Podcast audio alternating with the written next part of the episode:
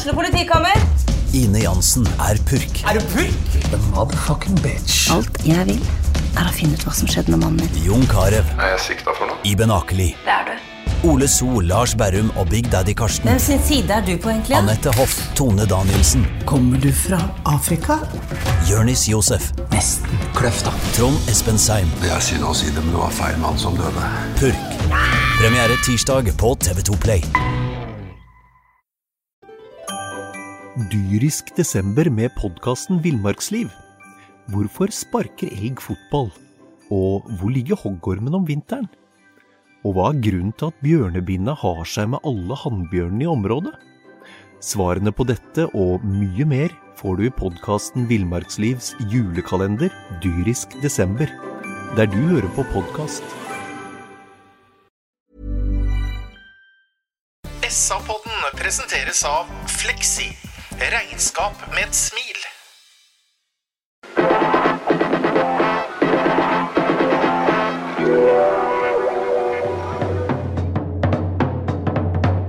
Sarpsborg Arbeiderblad gir deg en ny episode av SA-podden med Petter Kannes, Øystein Weber og Bjørn Inge Bingen Nilsen. Hallo og hjertelig velkommen til en ny episode av SA-podden.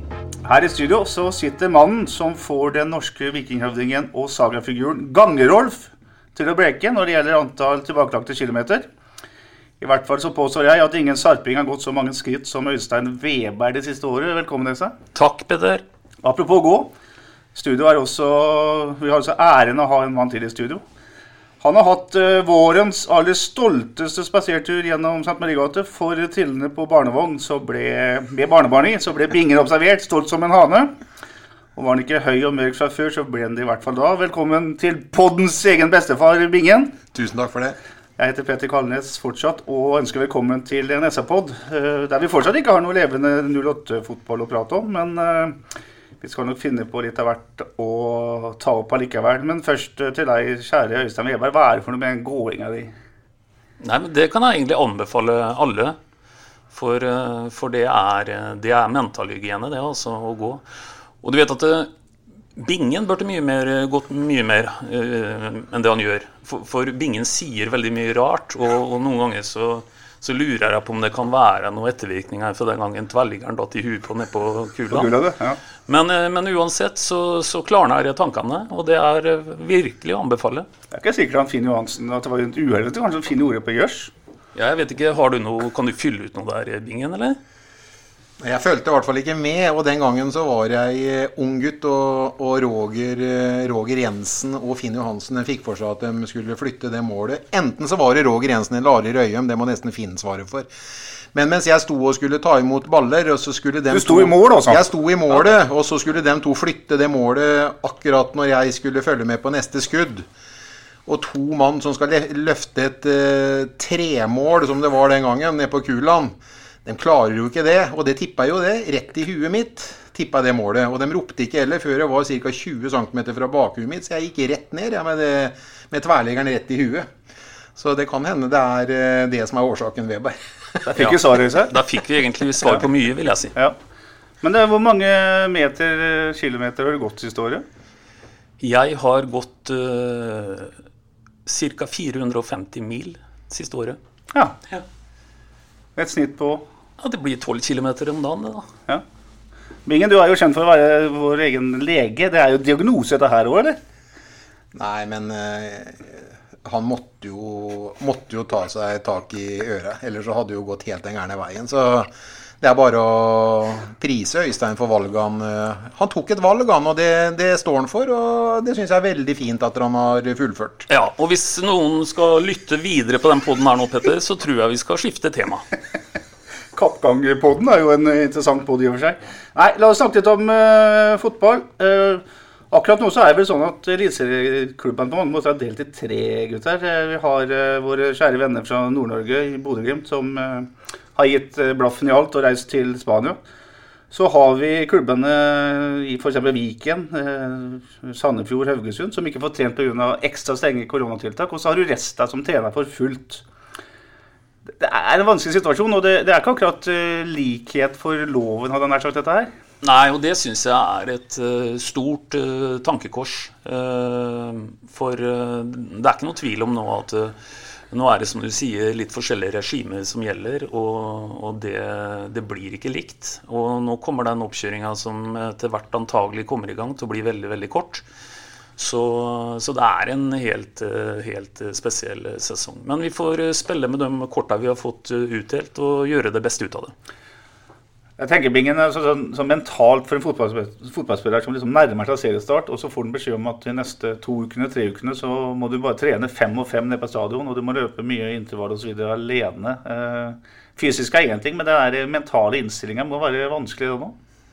Ja, og de, og de, lever jo under et veldig eh, tøft regime fra før av i forhold til hvordan de skal oppføre seg i denne situasjonen. De lever etter kanskje en av de strengeste protokollene vi har.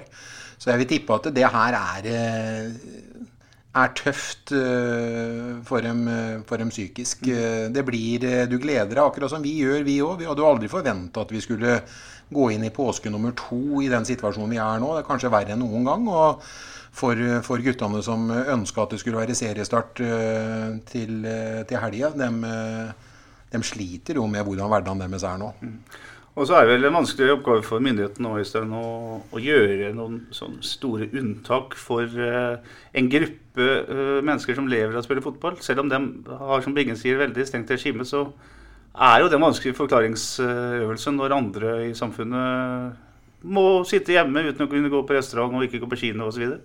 Ja, det er vel sånn uh, en ser på det. At uh, en ønsker ikke å gjøre altfor mange unntak og lage dette unødvendig komplisert. Eh, men det kunne absolutt vært mulig å, tenke seg at en kunne ha, kunne ha kall det forfordelt, det er vel ikke det riktige ordet, men latt, latt akkurat disse utøverne levd i sin boble.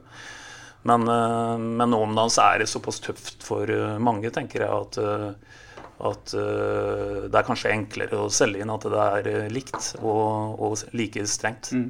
Kommet fram et forslag der blant annet, uh, som bl.a. Sarpsborg 8 står bak, Bjørn Inge, om å, at når man kommer i gang med seriespillet, så skal de lagene som har vært på samme treningsnivå de siste månedene, på en måte møtes tidlig. Så man unngår det som f.eks. Strømskose vil gjøre med å møte Rosenborg og Bodø-Glimt i to første seriekampene. Begge to har jo kunnet trent mye mer enn det Sarpsborg 8 har gjort, f.eks. Høres det ut som en fornuftig løsning, eller er det, er, det praktisk mulig? Jeg leste litt mer om det, at forbundet har vel kanskje varsla at de skal samles eh, på ett sted i to eller tre dager for å gjøre unna av de kampene seg imellom. For å få for å spilt seg eh, Jeg vet ikke om de tenker at de skal spille seg i form, ja, men jeg syns det høres snålt ut. Og jeg syns det kanskje kan bli litt uh, dumt at det skal være sånn. Jeg, det, jeg, ønsker at det skal være normale former så fort som mulig. At det skal være like serierunder på hver helg. Og hvis det er en hengekamp uh, som må komme pga. at det er noe smitte i eventuelt eh, et lag, så får den kampen eh, tidfestes ved et senere tidspunkt. Men jeg vil at eh, første runde skal spilles ferdig, og annen runde og tredje runde osv. Det er min tanke. Ja, jeg tror ikke en skal, skal gjøre for mange kalde endringer på dette her nå. Altså, så kan en også si at det kirurgisk presist og rettferdig blir jo ting aldri. Det er fotball vi snakker om.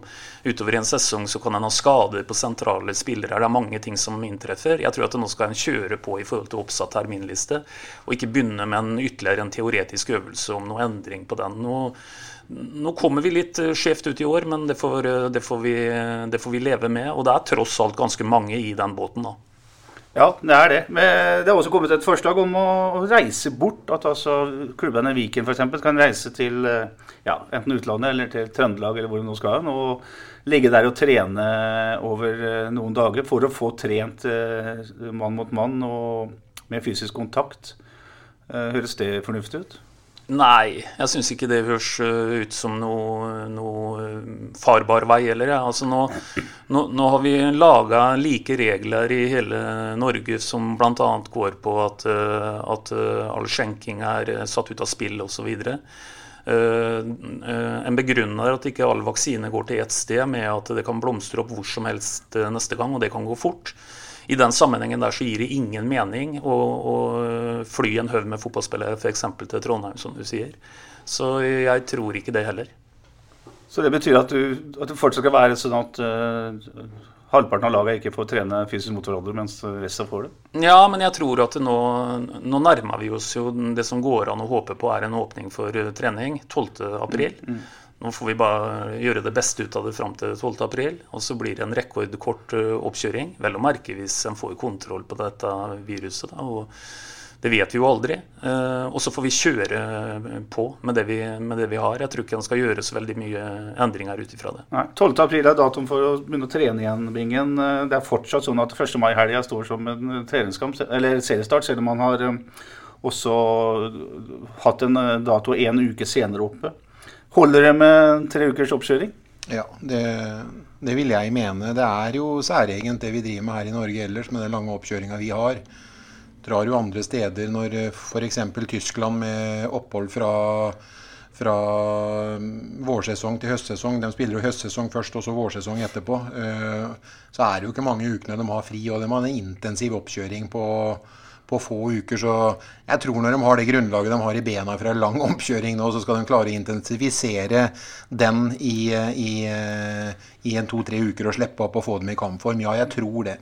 Ja, for Jeg syns det er litt rart da, når jeg hører eh, Jeg leser Thomas Berntsen si at eh, det er ingen av spillerne våre som har 90 minutter i bena. Altså 90 minutter kamp i bena. Det er jo helt åpenbart, for det vet vi jo. Men skal man ikke ha treninger som på en måte tilsvarer dette her, altså fysisk sett? Altså, det høres ut som de liksom ikke har spilt fotballkamper før, men nå må de spille hel haug av kamper i en måned for å kunne spille seriekamp. Jeg syns det høres litt rart ut. Men i så fall så vil jo det være likt for alle, da. Så jeg skjønner ikke at det skal være et stort problem. Altså, Bortsett fra Rosenborg, eller bortsett fra Molde, eh, unnskyld, Bodø-Glimt, som er der nede. Mm i Marbella og gjør sakene sine der nede og treffer lokale lag og får noen drakter og, og, kamper i bena, det er kanskje dem som har eh, et fortrinn eh, nå. Men uansett så vil det jevne seg ut. Det er ikke sikkert at dem klarer, klarer å holde den formen og spisse den inn mot en seriestart allikevel. Det er jo mange lag som har vært i Spania før seriestart eh, tidligere og bomma når de har kommet hjem, så det vet man jo aldri.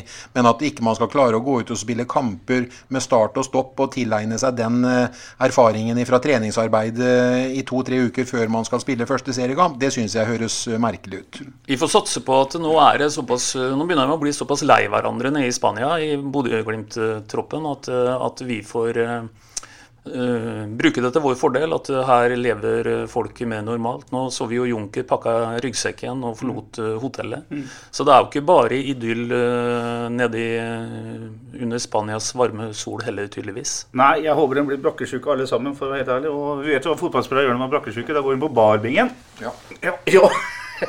Herlig. Vi skal prate litt mer om Sarpsborg 8. Det som har skjedd siden sist vi var sammen, er at det virker som skadesituasjonen til Anders Kristiansen, den nye målvakten, eller den nygamle målvakten, er litt eh, mer alvorlig enn eh, først antatt. Thomas Berntsen åpner for å hente inn en målvakt på korttidskontrakt, eh, som skal være med fra seriestart av. Som gammel keeper-bingen, hva tenker du om det? Er ikke unggutten Simen Hvitøy Nilsen klar nå? Nei, tydeligvis i Berntsen sine øyne så er han ikke det. Jeg syns jo det hadde vært eh, knalltøft å, å satse på Simen Vittu Nilsen i en alder av Har han blitt 20? 21? Ja, noe sånt noe. Eh, han har ingen erfaring fra Eliteserien. Nå har han vært med og trent eh, noen sesonger med, med A-laget. Han er definitivt en, en, en keeper for framtiden, og jeg syns han minner meg om en ung Rune Jarstein. Jeg syns det hadde vært råflott og råfint å dyrke fram eh, Det hadde vært et tøft valg. Eh, men å dyrke fram en keeper for framtiden fra sine egne rekker med Simen Vittu Nilsen og latt han få muligheten Ja, det hadde kommet noen blemmer, men eh, han hadde også utvikla seg til å bli den keeperen som vi ønsker at han skal bli i fremtiden. Han har definitivt keeperkroppen til å kunne bli en, en eh, eliteseriespiller. Men det handler om å få muligheten, og hvis ikke du får muligheten, får du aldri utvikla deg heller. Det er min mening. Men det er jo ikke jeg som skal bestemme det.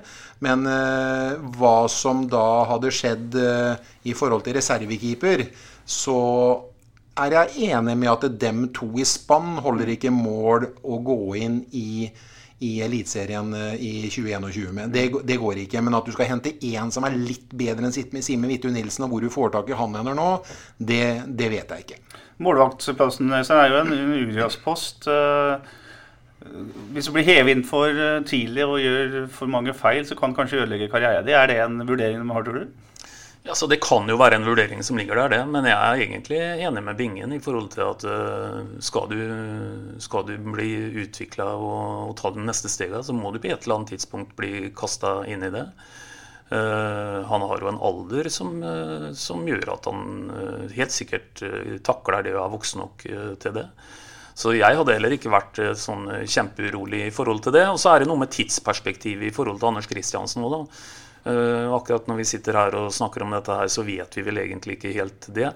Uh, for hvis en hadde lekt litt med at Anders Kristiansen trenger ytterligere en måned da, med, å, med å være helt klar for innsats, så, så syns jeg egentlig ikke det er noe å bråke med, for å si det rett ut. Kanskje det rett betyr at han er mer alvorlig enn det vi tror de sier? Ja, det tenker jeg jo. En, en lårskade er jo som regel er jo en stor muskulatur. Og det er jo når jeg er lege igjen, da, som du hører, Weber. Mm. Det er jo en uh, stor og tung muskulatur. og det er jo liksom ikke sånn at en lårskade leger seg på 1, 2, 3, men de gjør sikkert hva de kan. Men jeg antar at det, uten at jeg vet det, er mer alvorlig enn eh, Berntsen sier i intervjuet med Sarpsborg Arbeiderblad. Mm. Og så er jo store spørsmålet, du var jo så vidt inne på det, hva er det man kan få tak i en målvakt nå når det er eh, vinduer er stengt rundt omkring? og... Nei, jeg, jeg, vet ikke, men det vet jo dem som jobber med det. De har sikkert noe i kikkerten, men eh, som skal være i kampform og gå rett inn og gjøre det, det, det ja, De har sikkert noen navn på blokka, og jeg håper jo de har noen gode navn. For at jeg syns det skal være da merkbart bedre enn en Simen Vidtun eh, Nilsen. Altså, Odd dyrka fram en Rossbakk. Eh, de dyrka fram en eh, i Haugesund han Bråtveit. Bråtveit mm. Og det var unggutter når de fikk muligheten. Ja, det kom noen, en, noen rare mål imot, men helsike hvor de har spilt i bra poengsum på VG-børsen mange ganger òg. Du får det på godt og vondt, og det må du bare lære deg å leve med. Og så vet du at på sikt, hvis du kjører inn en keeper i den alderen der som jeg mener definitivt at er en voksen nok alder til å stå i mål, så utvikler du definitivt muligens kanskje over sikt til og med en landslagskeeper mm. på, på å tørre å gjøre det. Ja, og Så er det et annet poeng òg, og det er at eh, vi får håpe at den kalde dialogen internt på, på, huset er mer oppbyggende rundt Vitu Nilsen enn det kan eh, virke som når vi ser det fra utsiden. da. Mm, mm. For vi har jo frist i minne også at den siste seriekampen i fjor med en leiekeeper eh, der ble ikke Vitu Nilsen prioritert. Vi kritiserte jo det ganske hardt og står veldig på det. Eh, en helt totalt uviktig kamp eh, ikke ble brukt til å gi en lokal keeper eh, eliteserieerfaring. Det er klart, med, med, det i ryggsekken, og, og hvis det nå medfører veldig mye problemer at, at Vitu Nilsen igjen kunne vært nå et førstevalg noen uker, så kan en jo kanskje tenke litt rundt hva gutten sjøl tenker eh, om det. Eh, men eh, som sagt, vi får jo satse på at det er en annen kommunikasjon som foregår, og at de, de sier de riktige tinga og prøver å bygge han opp.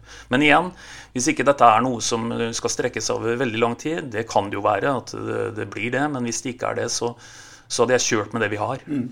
Ja, Vi kan jo nevne Claesson i Vålerenga, som jo gjorde feil tidlig på sesongen i fjor, men som nå var i landslagstroppen og hadde vært med til eh, kampene som de er med på landslaget nå, hvis ikke han hadde blitt eh, covid-19-sjuk. Så unggutter kan også absolutt eh, stå i mål. Vi snakker om skader. En annen enn som det er et spørsmålstegn med, er Anton Saletros.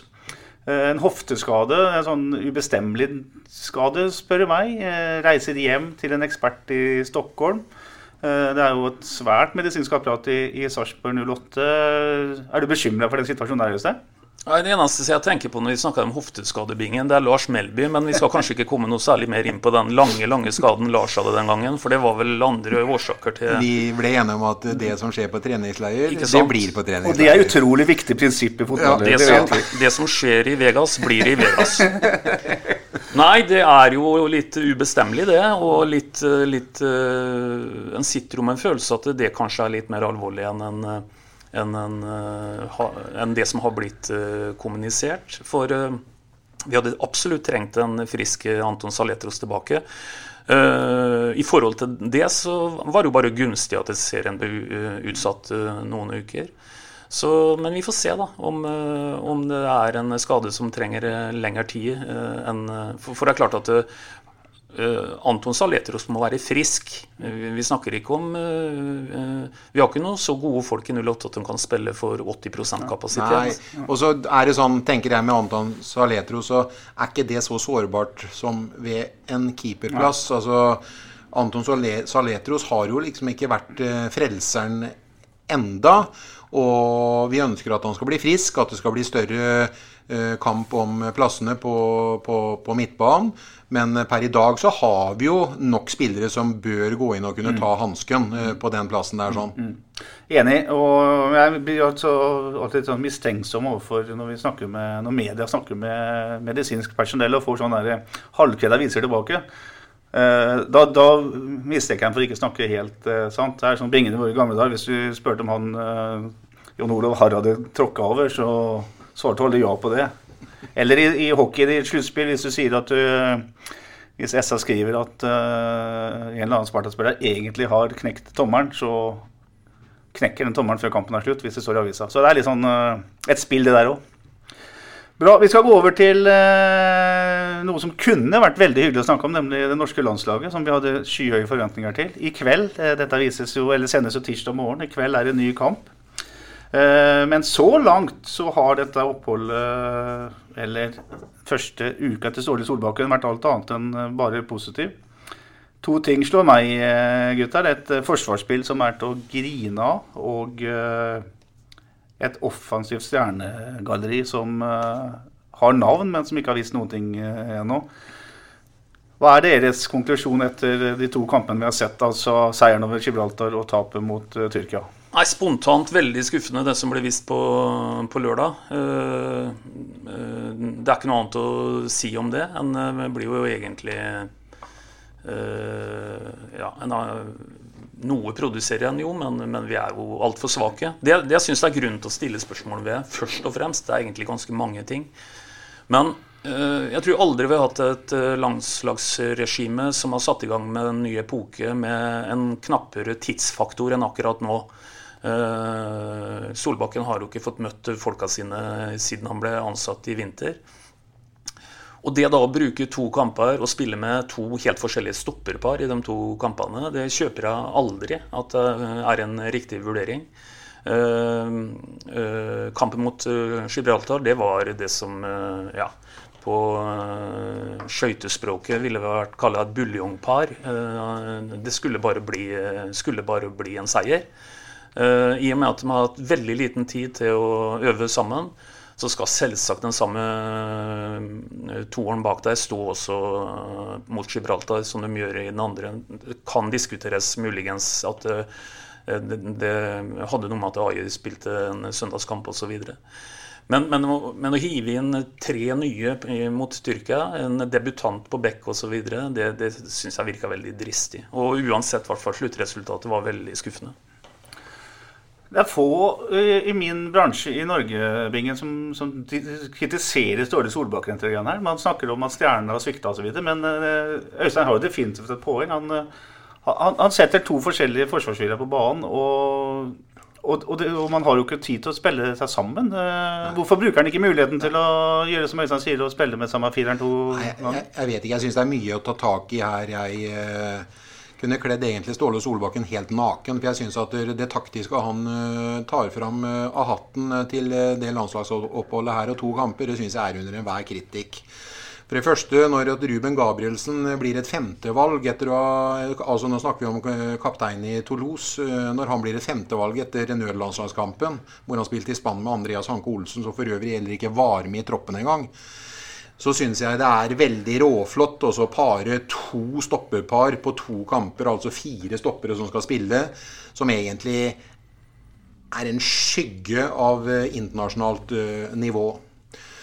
Så syns jeg, for å komme til det essensielle, eh, når du har en av verdens mest hypa spisser om dagen, så kan du ikke gå ut og så dulle sammen med ballen og tro at du skal ha et ballinnehav eh, som er bedre enn motstanderen. Salzburg og Dortmund, hvor Haaland har vært eh, knallgod, fantastisk spiller, de spiller en annen type fotball. De har definitivt ikke eh, mer ballinnehav enn motstanderen. Den spiller med en 3-4-3-formasjon hvor de har to raske vinger som dyrker dyrker styrkene til Haaland. Når laget erobrer ballen, de ligger lavt, når de erobrer ballen, så eksploderer de med lengderetning. Og det er så mange løp, og det er så mange som tar initiativ, og aller helst Haaland som tar initiativ for å få de måla inn.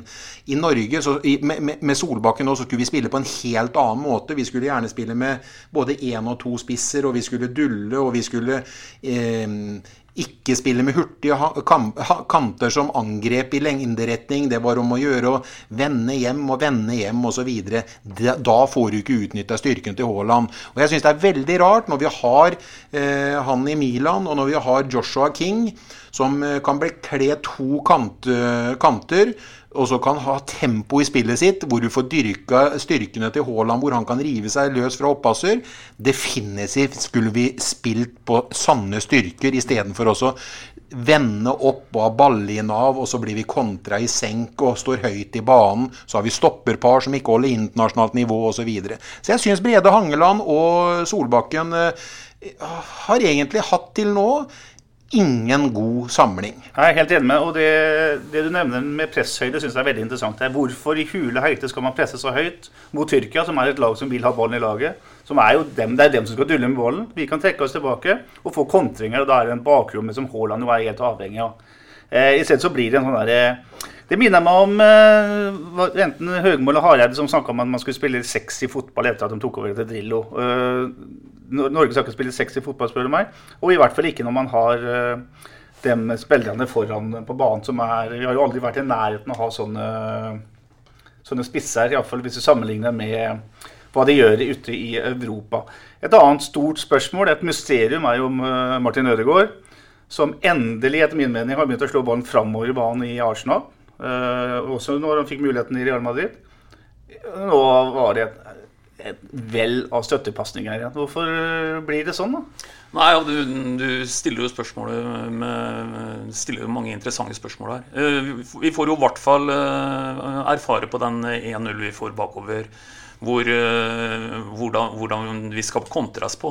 Hvor vi ikke henger, henger med og hvor Meling eh, følger mannen sin innover, og det må han gjøre. Og hvor vi da har eh, en eh, kant, tilsvarende kant som ikke evner å ta det defensive løpet, og, og, og bang, så er det 1-0. 2-0-målet er jo nesten enda verre. Der står det én tyrker sammen med, med fire nordmenn. Og, det er vel i tillegg også uttalt at, at den hadde mer hodestyrke i kampen mot Tyrkia enn mot Gibraltar. Det så vi ingenting til i den situasjonen der. Uh, og det er klart at uh, I internasjonal fotball så er på mange måter kampen ødelagt da, når du får 2-0. Uh, det er veldig sjelden du, du, du snur det. Så, og, og, når du nevner, nevner Rødegård, jeg syns at det stikkordet her blir at den er for omstendelig. Det, det blir småpent. Eh, men det blir for omstendelig. Og vi, vi, evner ikke heller, som Bingen sier, å spille på eh, Haaland sine beste egenskaper. Han er jo en skygge av seg sjøl.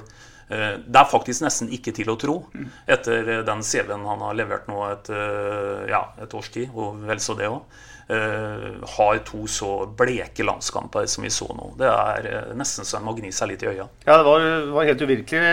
En annen ting som er uvirkelig, er jo forsvarsspillet. Først og fremst midtstopperne. da. Og hvis vi tar litt, litt lange linjer, så kan vi gå tilbake til eh, 90-tallet. Altså, vi kan eh, på husken eh, ta Rune Bratseth, Henning Berg, Ronny Johnsen, Tore Pedersen, Roger Nilsen, som Drillo holdt på med. Fantastiske spillere. Så kom Brede Hangeland. Det krydda midtstoppere. Klaus Lunde kom. Altså, det var, var fire-fem stoppere i, i, Premier League en periode. Eh, nå sliter vi voldsomt med å få et stoppepar som holder mål, selv om denne gutten er tross alt spiller i internasjonal uh, fotball.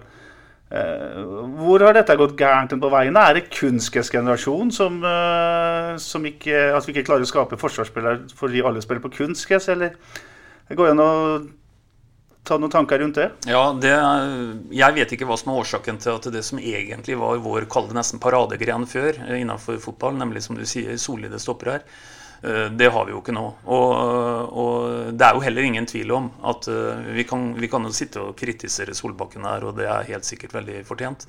Men Solbakken er jo også veldig usikker sjøl. For, eh, for, eh, det eneste svaret du får når du, når du gjør sånne omrokeringer Og jeg syns det er et litt sånn hellig sted å gjøre en omrokering også. Det er noen posisjoner som du ikke tøyser for mye med. Eh, så, så jeg har egentlig aldri sett uh, maken til det her. Og jeg kan ikke tenke meg noe annet enn at Uh, at de innerste tankene til Ståle Solbakken, så, så, er hans vurdering at uh, han har for svake alternativer. Og så er det jo sånn, Bingen, altså Jeg spilte midtstopper, og jeg husker hvor viktig det var å ha kjemi med makkeren min der. Eh, samtidig er det jo en målvakt. Du skal jo vite hva som skjer foran deg, du òg. Keeper og, stopper, keeper og stopperpar bør ha en veldig god kjemi. Og Jeg kan ikke fatte og begripe hvorfor han skal eh, ha ett stopperpar mot Gibraltar og ett stopperpar mot eh, Da må han føle at vi er totaloverlegne i forhold til eh, de lagene vi skal spille. Så vi skal prøve ut. Bestemann mot Gibraltar, det var Christian Torstvedt. Han får ikke lov til å starte engang i kampen mot Italia, nei, mot Tyrkia. Så det er noen sånne tanker som jeg stiller meg med. Litt sånn da han kom og skulle ta over Køllen og tok ifra var det Poldolski som han tok fra kapteinspinnet, liksom? Det var eh, det, det, Jeg blir litt sånn Du må ikke finne kruttet på nytt, Ståle Solbakken, for det her har du feila på nå. og Det her eh, var eh, en dyr lærdom å, å ta, og jeg syns du skal ta det på de kappe og ikke skylder på at du skal ha tøffere mannfolk utpå her. Det er egentlig du som skal sette direktivene og så styre laget ditt du vil. Og det skal du gjøre i hodet ditt. Du får, får, kommer til å få dårlig tid med dem hver eneste gang du skal uh, spille landskamp. Og det må du finne ut av før en kommer, åssen du skal spille, åssen du skal trene i, i, foran kamp. Og det som resultatet har blitt nå etter den, uh, den Tyrkia-kampen, det betyr jo nesten at vi mer eller mindre er ferdig før vi har kommet i gang. Dyrisk desember med podkasten Villmarksliv. Hvorfor sparker elg fotball? Og hvor ligger hoggormen om vinteren? Og hva er grunnen til at bjørnebinna har seg med alle hannbjørnene i området? Svarene på dette og mye mer får du i podkasten Villmarkslivs julekalender dyrisk desember, der du hører på podkast. Vi har med en uh, sarping i dette laget, og en fyr vi er veldig glad i, nemlig Mohammed Moi Elionossi. Eh, dessverre så syns ikke jeg at uh, Moi i det hele tatt har imponert de to kampene her. Syns han virker litt seig. Og når Moi er litt, Moi litt seig, så da sitter ikke touchen, og da får han ikke dratt av folk han skal gjøre, og så blir han litt ute av kampen. Er den skotske ligaen egentlig god nok til at han utvikler seg nå, eller bør han komme til et annet sted? Nei, det, er et, eh, det er et godt eh, spørsmål. Eh, jeg tror nok ikke den skotske ligaen er veldig god. Altså, det er den jo ikke. Erfaringsmessig så har jo det vært en toklubbsliga først og fremst.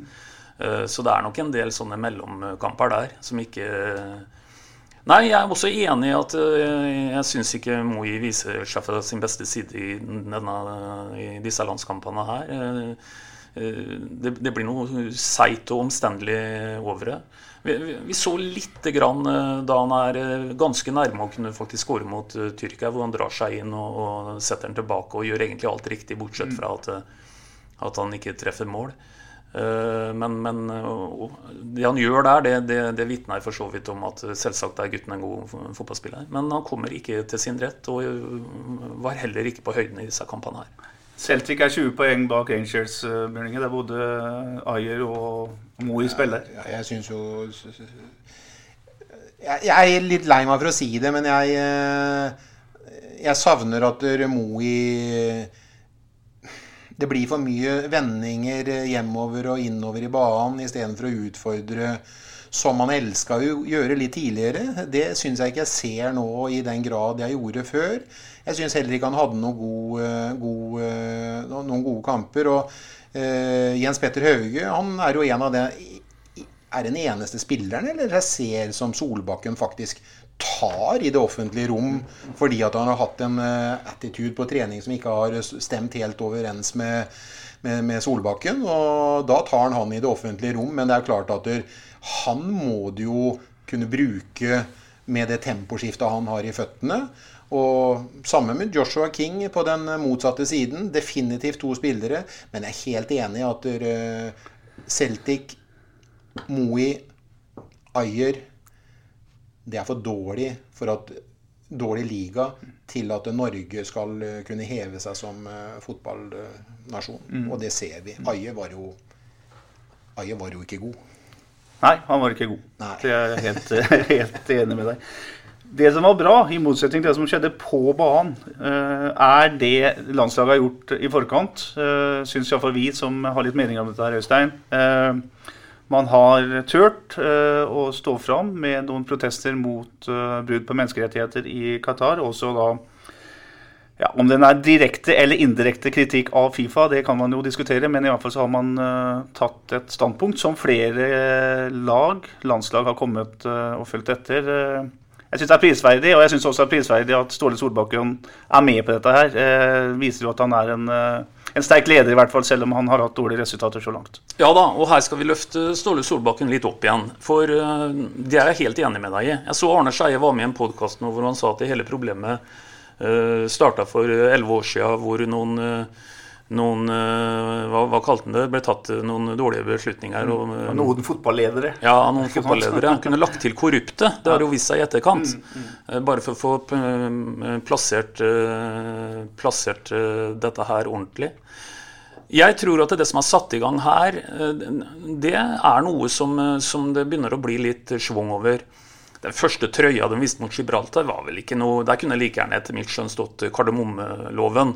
Men da det begynte å bli litt human rights og sånn, som det er noen internasjonale standarder eh, for, så, så, så tror jeg at eh, det begynner å bli litt lagt merke til.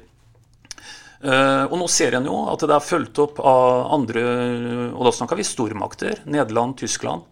Uh, Danmark òg er jo en betydelig større fotballnasjon enn hva vi er. Så, så dette her tror jeg er med på å hvert fall sette dette her på agendaen. Og så tror jeg faktisk paradoksalt nok at dette er det som kan kalle det berge eh, at det ikke ble en boikott. For hadde det ikke skjedd noe nå, så tror jeg at den bevegelsen som er satt i gang rundt dette her, hadde endt med et boikottvedtak uh, i juni. Vi vet ennå ikke hvordan dette kommer til å komme ut, men jeg tror at det nå er det enklere kanskje å se for seg at den ikke lander der. Men så må vi litt tilbake til det sportslige. Altså, Vartei kunne hatt et årsmøtevedtak på at vi ønsker ikke å delta i Champions League. Bingen Tenk at Bingen da, hadde ringt uh, Hei, Ståle Solbakken. Det er Bjørn Inge Nilsen som ringer. For øvrig uh, Sarpsborgs mest undervurderte fotballspiller. Jeg har etter nøye overveielse valgt å takke nei til landslaget. Ikke sant? Det hadde jo ikke hatt noe, noe å si.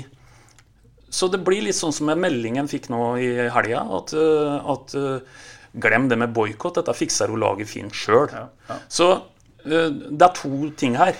En må sette seg også i en sportslig posisjon, hvor, hvor, det å true med å ikke delta faktisk også gir en viss, viss mening. Men jeg syns de, de tiltakene som er satt i gang nå, de, de, jeg synes det virker som en bra måte å gjøre det på. Og jeg tror at det, eh, her er det noen som begynner å føle litt på presset. Og Derfor er jo symbolet når Tyskland, Nederland og Danmark står der, tross alt langt sterkere enn når Norge står der. da, som, som ikke har vært i et, eh, et VM på 20 år. Ja, mesterskap på 20 år. Ja, nettopp. Derfor var det viktig at det kommer et haleheng nå av noen, noen mer betydelige fotballnasjoner enn Norge. Og det ser en jo at, at det kommer.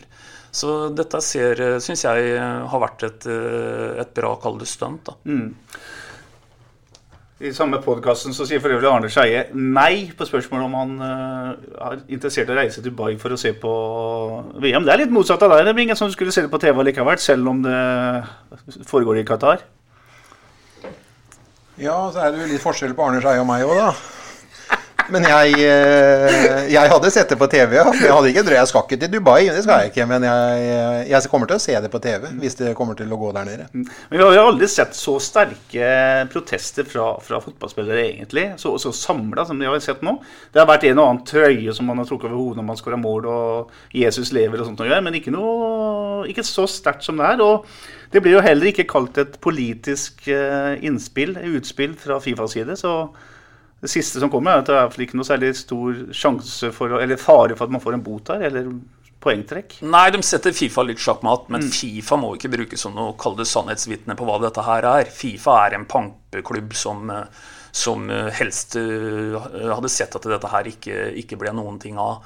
Men den blir satt litt sjakkmatt, for alle vet at det er noe som heter ytringsfrihet osv. Så, videre. så Så det er ikke bare for dem å trøkke trykke, trykke hardt tilbake.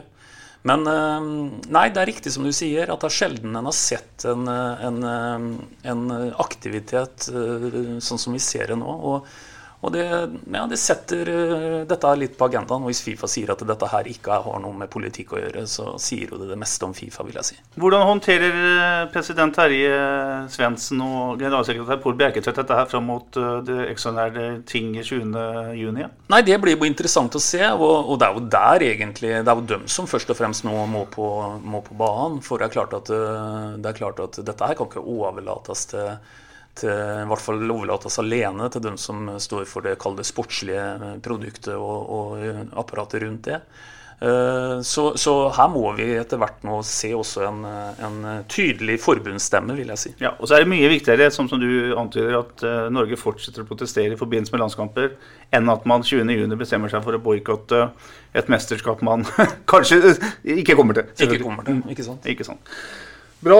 Eh, Vi skal følge den saken eh, videre, vi som er opptatt av menneskerettigheter og, og at man oppfører seg ordentlig mot hverandre, Øystein. Eh, En som har oppført seg ordentlig, i hvert fall med sin egen kropp, Bjørn Inge Nilsen, det er en som nesten er like gammel som deg, nemlig Zlatan Ibrahimovic. Som er tatt inn i varmen i Eller han har meldt seg til tjeneste igjen. Og landslagssjef Janne Andersson har tatt den inn i det svenske landslaget igjen.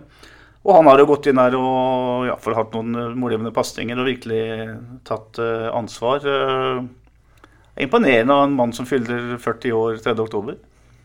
Ja, definitivt. Og han er jo god nok til å spille òg. Det er jo ikke bare å rekke opp handa og si at jeg ønsker å spille på landslaget. Du må jo ha kvaliteten òg, men han har jo det. Han beviser jo Han har jo en kanonsesong i, i Milan. Og det var få som trodde han skulle komme tilbake i bedre form enn han var før kneskaden. Han hadde jo en stygg kneskade som gjorde at han var borte i mange måneder.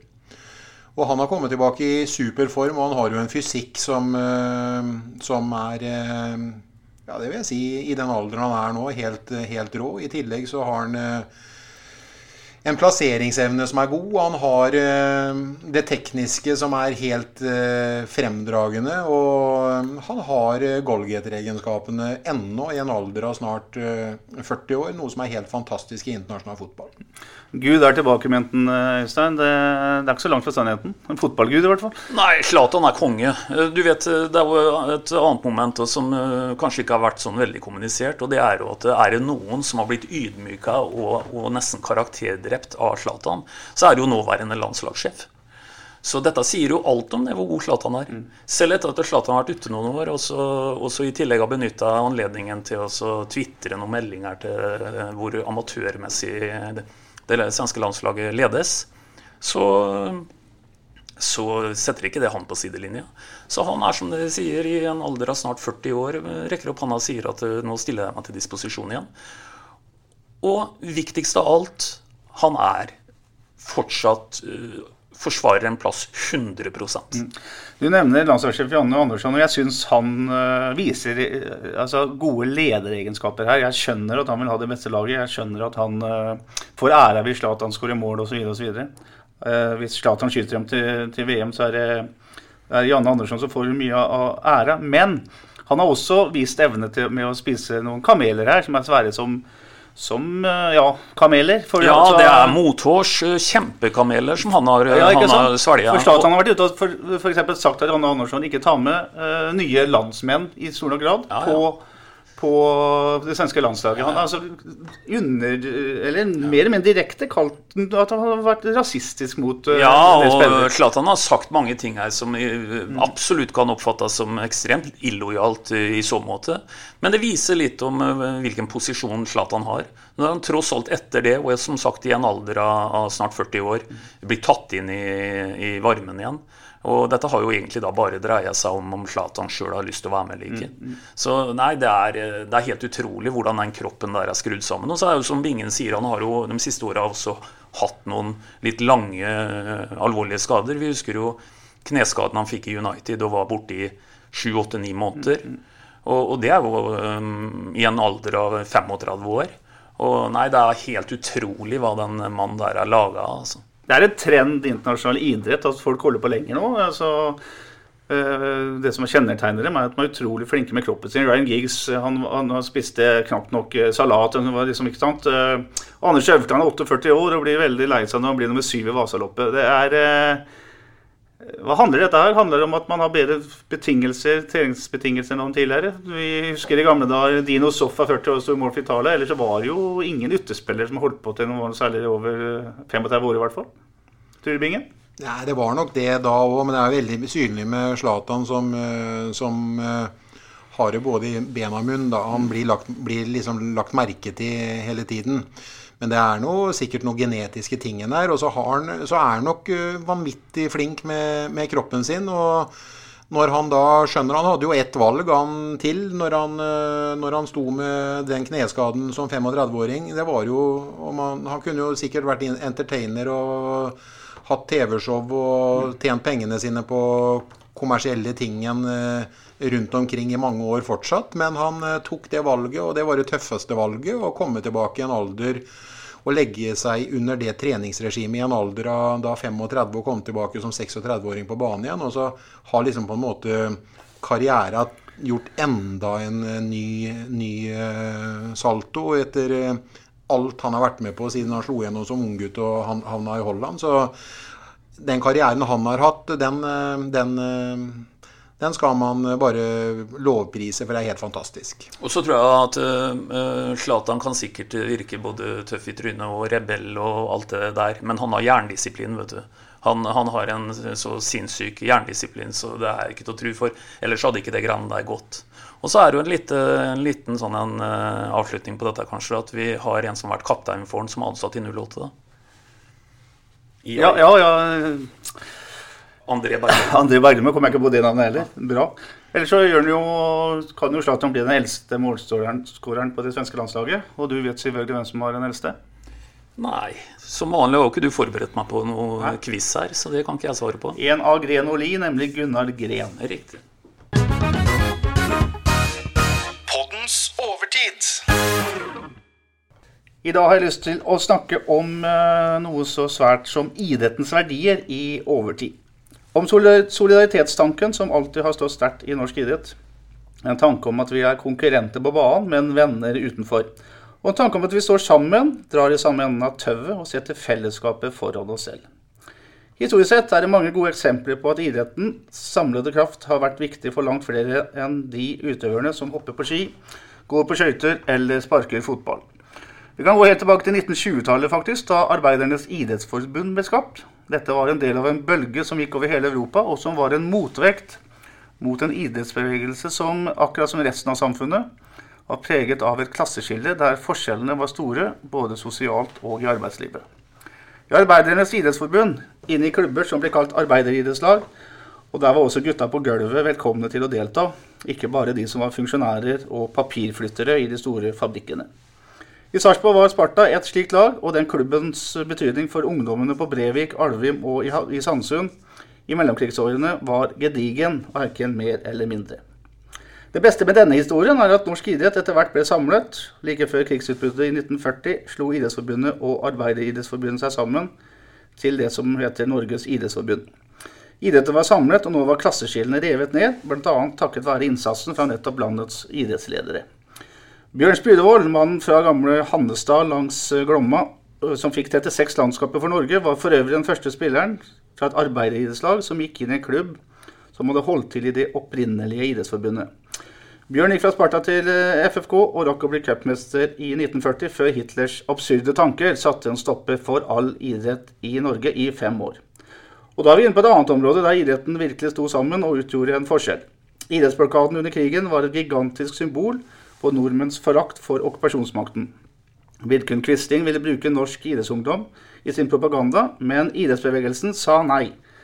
Sarpingen Asbjørn Assi Halvorsen, den tidligere HSV-proffen, som var mann bak bronselaget i 1936, som vi vet, og en av landets fremste idrettsledere gjennom alle tider, gikk som den aktive motstandsmannen han var. Han havnet senere også i konsentrasjonsleir. Han gikk i bresjen for at all idrettsaktivitet, til tyskernes store irritasjon, ble lagt død. Norsk idrett sto sammen. Mange utøvere mistet sine beste år i karrieren. Men fellesskapet gikk foran, og fedrelandet kom foran deres eget ego.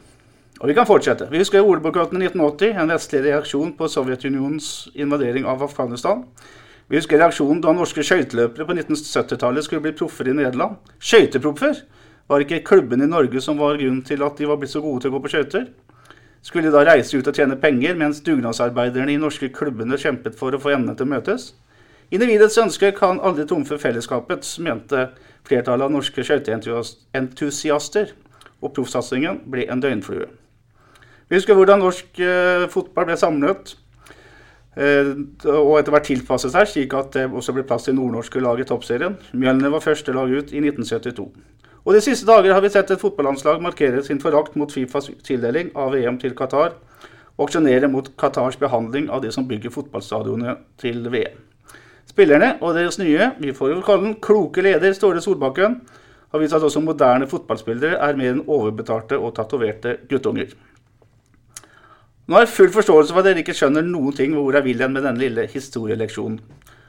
Kanskje er det litt søkt, men nå kommer uansett mitt poeng. Nemlig den totale forakten for den nevnte fellesskapsfølelsen i norsk fotball Bodø-Glimt viser når de har tilbrakt store, store, deler av vinteren i Spania for å trene under ypperlige forhold i stekende sol.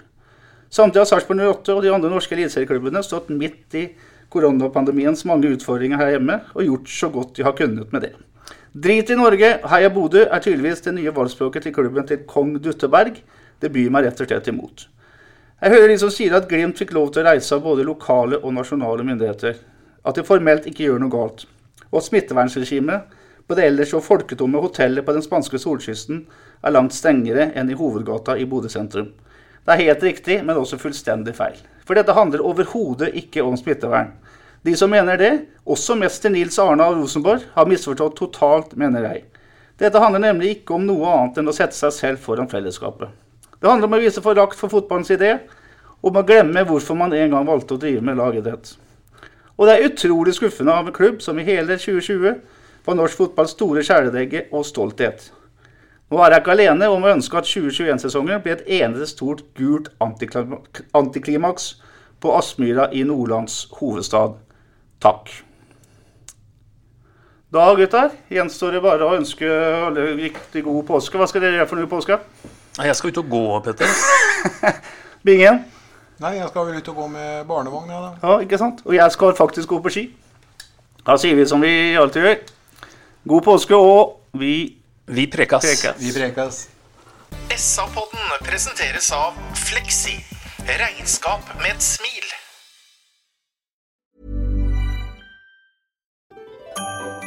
dyrisk desember med podkasten Villmarksliv. Hvorfor sparker elg fotball? Og hvor ligger hoggormen om vinteren? Og hva er grunnen til at bjørnebinna har seg med alle hannbjørnene i området? Svarene på dette og mye mer får du i podkasten Villmarkslivs julekalender dyrisk desember, der du hører på podkast. Ukens annonsør er HelloFresh.